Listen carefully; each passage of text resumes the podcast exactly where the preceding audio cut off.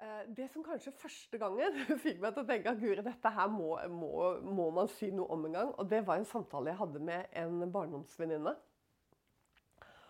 Og, hun, og da kom vi inn i liksom det som har med eh, den bibelske tro å gjøre. Og hun begynte å utfordre meg på hva jeg faktisk tror. Og hun var vel litt ute etter at liksom, Tror du virkelig det, liksom? Så? Og da var det dette med dom. Altså, du tror ikke det, Eva, liksom? At Gud skal dømme virkelig menneskene? At det kommer en dom på hvert, hvert eneste menneske som lever? Og hun ville så gjerne at jeg skulle si nei, nei, jeg tror ikke akkurat det, liksom. sant? Men uh, kjære vene jeg, Du har jo ikke noe valg. Dette Hør her. Læren om evig dom står det til og med. Og du kan lese det i Hebrebrevet sjette kapittel og mange andre steder. Det er liksom, det hører til grunnvollen, står det i Guds ord. Det er jo derfor det også er i trosbekjennelsen. Jeg vet jo faktisk ikke hvor lenge det kommer til å få lov å være i den nesten, hva skal du si, i hvert fall 1700 eh, år gamle trosbekjennelsen som vi har i kirken, som er ganske sånn for den globale kirke. Nemlig at han kommer igjen, Kristus. Sant? For det er han dommen tilhører. Men nok om det. Altså, dette er så grunnleggende. Eh, men det er jo det sant? Veldig mange mennesker i vår tid de, de, forholder seg ikke til det. De vil gjerne tro på Gud. Altså, veldig mange mennesker vil gjerne tro på Gud. Men det man da må være klar over, er at den Gud du da tror på, det er ikke Bibelens Gud. Og der det står mest om dom, det er Det nye testamentet. Og det er fra Jesus sin munn, fra Peters sin munn, fra Johannes sin munn, fra Paulus sin munn. Altså Det er Det nye testamentet fordi det er evangeliet. Det var jo derfor ikke sant, at Kristus ble korsfestet. Det var jo derfor han måtte dø. På grunn av at i ham har Gud forlikt seg med mennesket. Altså Det har vært et fiendskap, og er et fiendskap. Dette er Bibelen. Det er et fiendskap fra første Mosebok gjennom hele Bibelen. Bare, bare, hør hva jeg sier. Det er et fiendskap mellom menneske og Gud. Fra Edens hage av så er det et opprør og et fiendskap i mennesket mot Gud. Og et fiendskap da også fra Guds side. Sånn at, men han har forsonet seg med mennesket i Kristus på korset. Det var derfor Jesus måtte dø på korset. Det der skjønner jeg ingenting av. Og hvorfor skulle han forsonet seg på den måten, og kristendommen funnet på det, liksom, at sånn er det, liksom? Det er jo ikke sånn. Altså, Dette her ligger jo i de jødiske skrifter, som går langt tilbake. Vi kan jo bare velge ut Jesaja 53. Han levde 700 år før Jesus kom, før han ble født. Og han fortalte at Messias, den jødiske Messias måtte lide. Og han måtte dø for oss. Fordi Gud hadde bestemt seg på den måten å gjøre fred. Altså Han ville forsone seg med mennesket i Kristus. Så når vi tror på Kristus, så sier Bibelen sånn at da er vi skjult i Kristus. Da kommer vi ikke inn for Guds dom.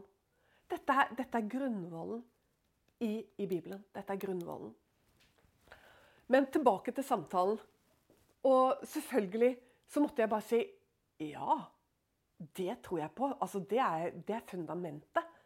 Du, det er ikke noe vits i å tro på korset og Jesus Kristus hvis ikke du tror på dom. At hvert eneste menneske skal fram for dommen.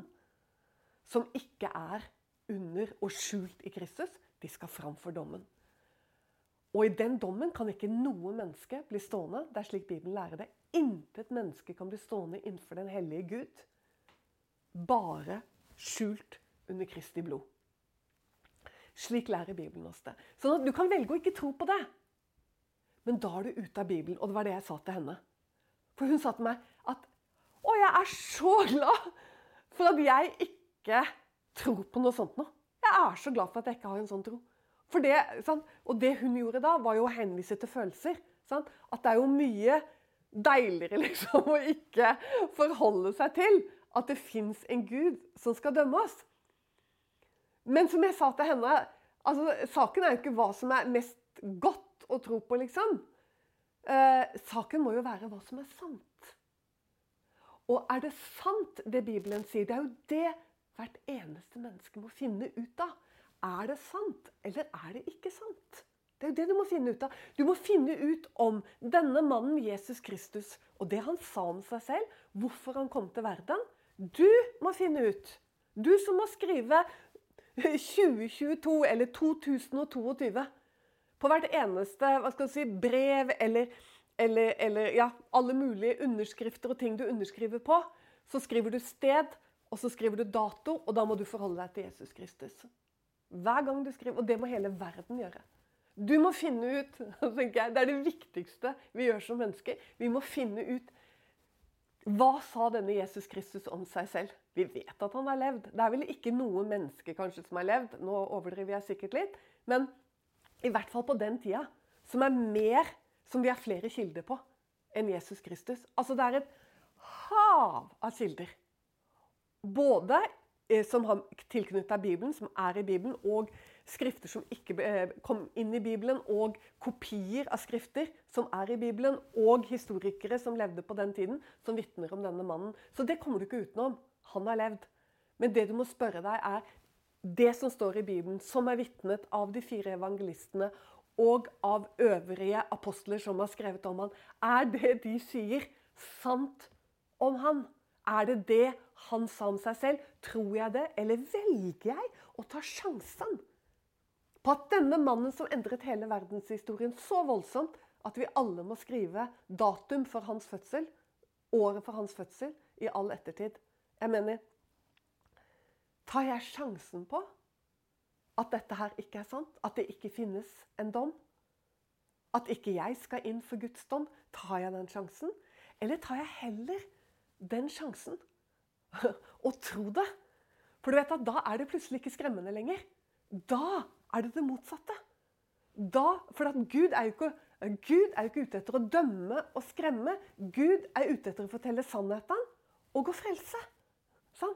Og Det er jo dette som er forskjellen. Og du skjønner det, det er jo ikke bare hun barndomsvenninnen min som har sagt dette til meg. Jeg, jeg, har hørt dette mange ganger. Og senest bare for noen dager siden så var det en annen som sa til meg at eh, For da begynte vi ut ifra situasjonen, og, som er så alvorlig som den aldri har vært så lenge jeg har levd i Europa noen gang, og uansett hvordan vi tenker på dette, og hvordan dette skal få konsekvenser framover, om det skulle ta en pause, så skjønner vi alle at historien har endret seg. Den europeiske historien har endret seg.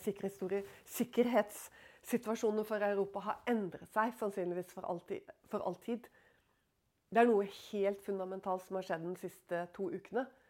Sånn at i lys av dette så fikk vi jo en samtale om hva det er verdt å høre på, om hvem som det er interessant å høre på. Og så, vi, så må du ikke glemme Bibelen. Det er jo det viktigste å høre på.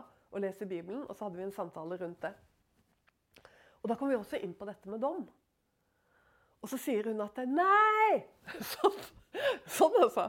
Ikke snakk om dom og Guds frede. Jeg orker ikke å høre det. Du skremmer meg.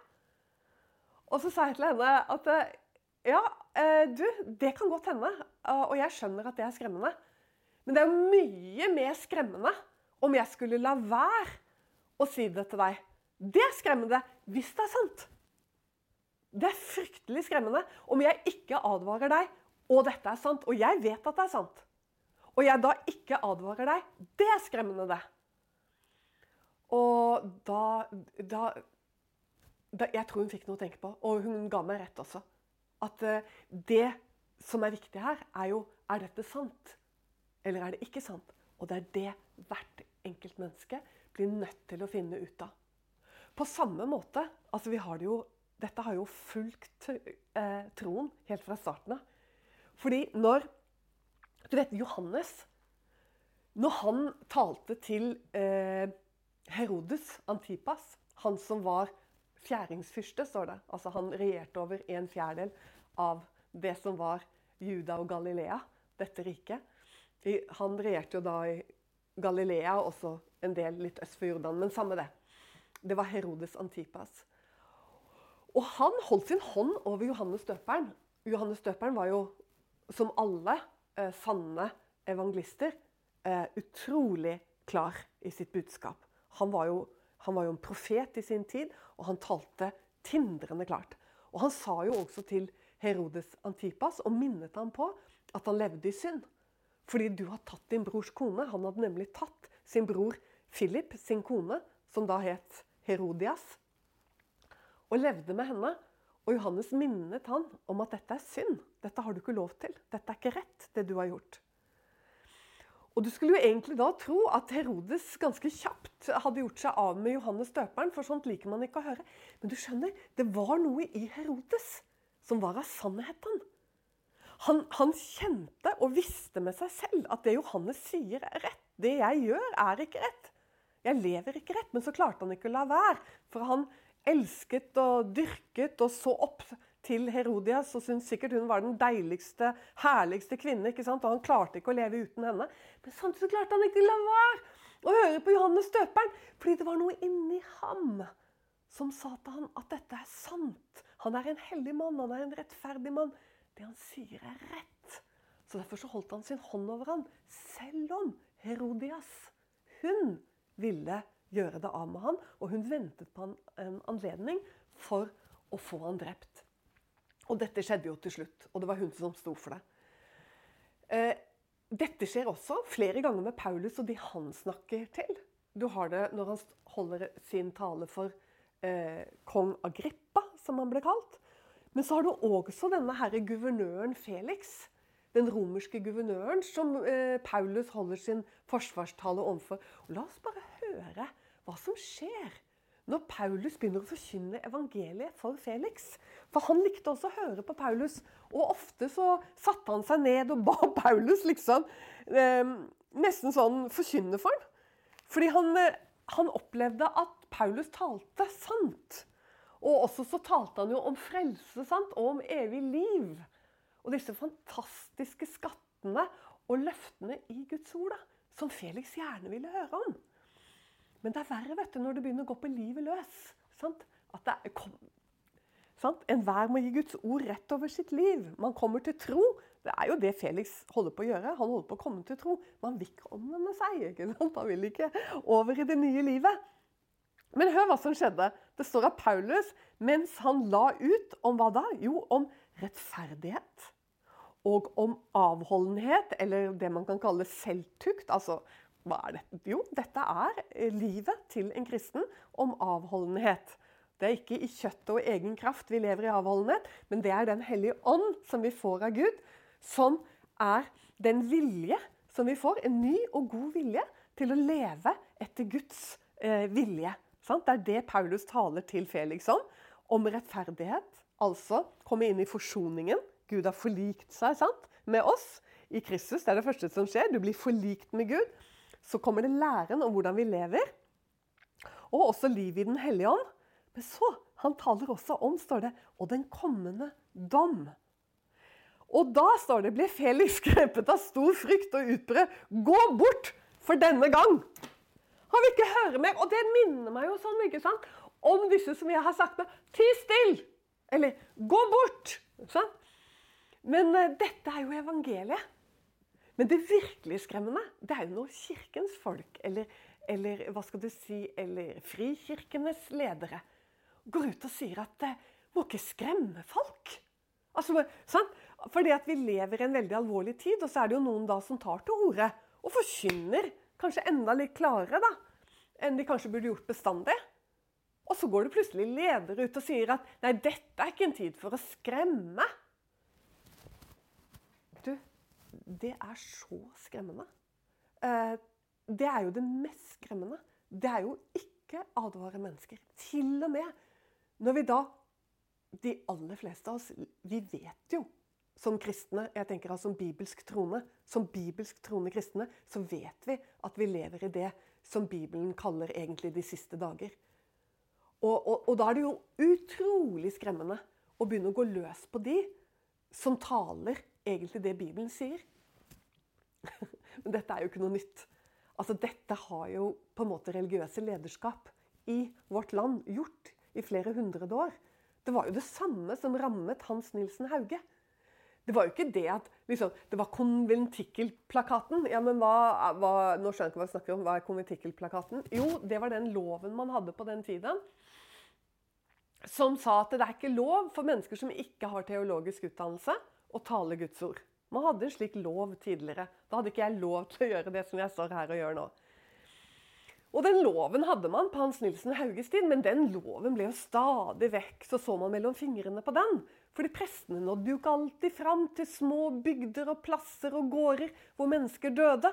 Og da måtte jo de som var der, ikke sant, måtte forrette og gjøre det som var nødvendig. da. Så det var jo, altså, det var jo veldig vanlig at dette ble brutt. Men hør her.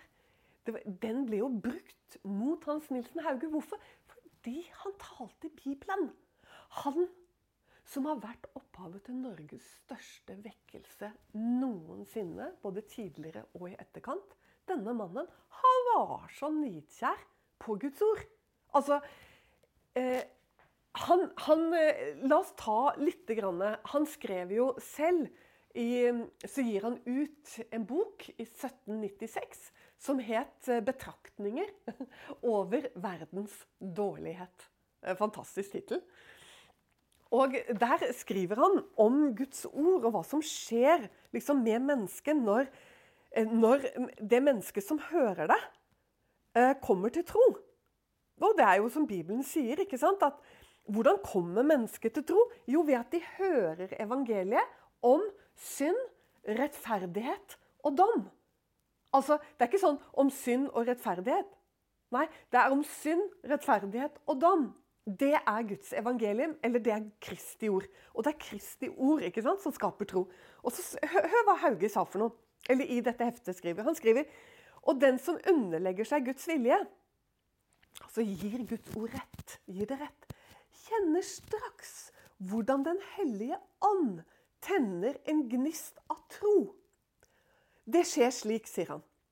Når en hører Guds ord, som kan være som et tveegget sverd når det treffer hjertet. Men så merkes det en higen innifra. Det er jo akkurat dette som skjedde med Herodes. Og det er jo akkurat dette som skjedde med Felix. Det kommer en sånn higen innenfra. Det skaper en lengsel etter å høre mer og mer. Og til sist så overveldes de av en kjærlighet til boken, altså til ordet, til Bibelen, sier Hauge. Dette er Den hellige ånds ild.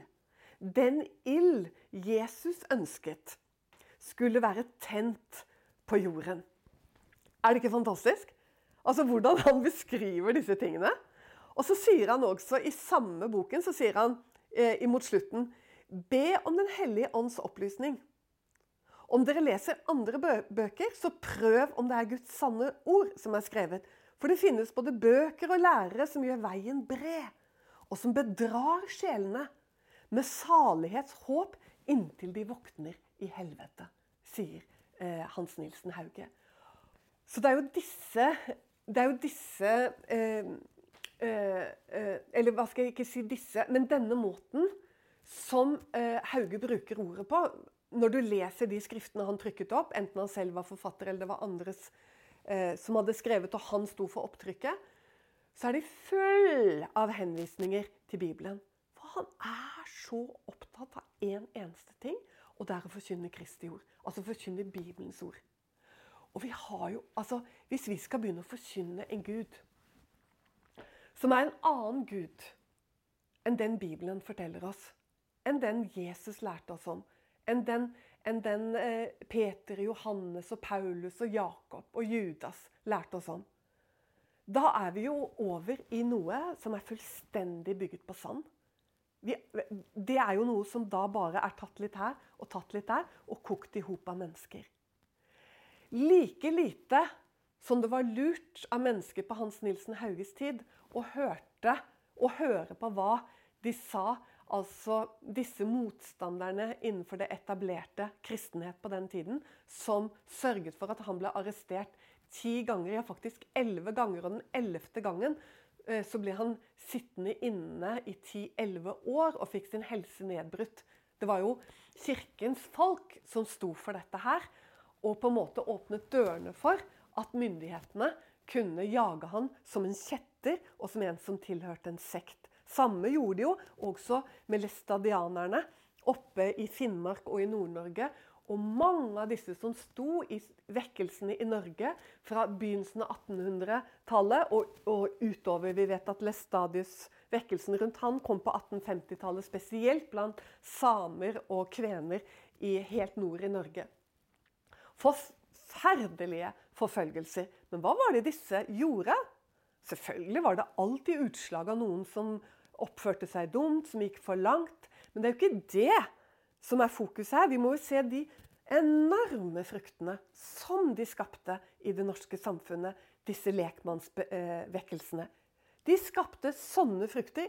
Det er ikke å gå for langt å si at Hauge, faktisk nærmest haugianervekkelsen, lærte det norske folk å lese og skrive. I 1800 så var det under 10% av den norske befolkning som kunne lese og skrive. Så kom Haugevekkelsen. Og du, bare i løpet av få år så var hans skrifter trykket opp i 250 000 eksemplarer. Og i Norge var det én million. Det var folketallet. Da begynner du å skjønne hvilken enorm betydning disse menneskene har hatt på å bygge vår nasjon. Tenk fra 1814 med Grunnloven og haugianerne og utover hva dette har betydd for landet vårt. Og det var ikke fordi han forbrøt seg på en lov, det var fordi han forkynte Guds ord. Han forkynte fremfor alt, og det var jo det han sa selv. Nå forkynnes ikke lenger, sier han om den tiden. Så dette har jo vært et mare hele veien. ikke sant? Nettopp læren om synd, rettferdighet og dom. Det ble ikke lenger forkynt at det fantes en dom. Det ble ikke lenger forkynt at mennesker måtte forlike seg med Gud. At Hvis ikke du var kommet inn i forlikelsen under blodet, så var du under Guds vrede. Dette er evangeliet. Og pga. den vreden var det Jesus hang på korset. Og pga. den vreden var det profeten Jesaja som levde 700 år, den jødiske profeten, før Jesus ble født, advart om dette, fortalt om dette, at Guds Messias skulle lide. For vår skyld og for våre misgjerninger skulle han dø, og gjennom han skulle Gud forlike seg med menneskeheten. Paulus skriver at dette er en dårskap. Dette evangeliet er en dårskap for, for uh, hedninger. Sier nå hedninger i den forstand er jo da alle andre enn jøder. Altså For oss da, som ikke er jøder, så står det at det, det er dårskap. Men så sier han samtidig at Guds dårskap er visere enn menneskene. Du skjønner, det handler om tro. På samme måte som når Moses fikk i oppgave å lage en kobberslange når folket hans ble angrepet av slanger fordi de hadde forbrutt seg mot Guds lov, og dommen var kommet inn i leiren, så fikk Moses beskjed av Gud om å lage en slange og feste den på en stake. Og så sa Gud at alle som vil se på den og tro, de skal ikke dø av giften. Det er et fantastisk bilde på han som ble ikke sant, naglet til staken. Det står faktisk at han ble opphøyet på den staken. For at hver de som ser og tror på det budskapet Gud har gitt oss på korset, de skal ikke dø av Satans gift. Altså eh, opprøret som vi har fått i oss gjennom fallet. Altså mennesket er i et opprør til Gud og til sannheten. Og de skal ikke komme inn for Guds vrede hvis de vil tro, altså Guds, Kristus og hans forsoning og forlikelse med oss på korset. Så hva gjør jeg nå, sier du. Kanskje du har hørt på dette, og så begynner du å bli alvorlig i tvil. Kanskje du ligner litt her og nå på Herodes eller på Felix. Du har kommet i tanker, står det i min gamle oversettelse, om mangt og meget. Sant? Når du hører på Paulus, og nå hører du på Eva. Og du begynner å tenke tenk om dette er sant. Hva kan du gjøre? Jeg skal si deg at det bli frelst og bli en kristen, det er så lett. Det som er komplisert, det er det som går forut. Nemlig sannheten. Hvorvidt man avviser som Felix og sier 'nei, jeg vil ikke høre mer'. Det er jo nesten enda lettere enn å bøye kne der du er og si 'Herre, jeg tror ditt ord'. Jeg tror at du døde for mine synder. Og jeg tror at du sto opp igjen til min rettferdiggjørelse. Det er alt du behøver å si til Gud. Hvis du har fått tro i ditt hjerte og bekjenne med din munn, sånn står det i Bibelen, så blir du frelst. Så det du trenger å gjøre, er å bøye deg og si, 'Herre, takk for dette budskapet. Jeg tror at du døde for mine misgjerninger og mine synder. Jeg tror at jeg trenger din frelse. Og jeg tror at du sto opp igjen til min rettferdiggjørelse. Herre, kom inn i mitt liv. Sier du denne bønnen av et helt hjerte, så er du et Guds barn. Så enkelt er det. Men jeg gjentar for deg, det kan være en, enda enklere å gjøre sånn. Og si sånn. Men hør da talen holdt på å si en gang til om oddsene du har, og hva som er mest troverdig. Og så gjenstår det bare for meg å si Gud velsigne. Stå med oss økonomisk og i bønn. Du finner oss på utentvil.com.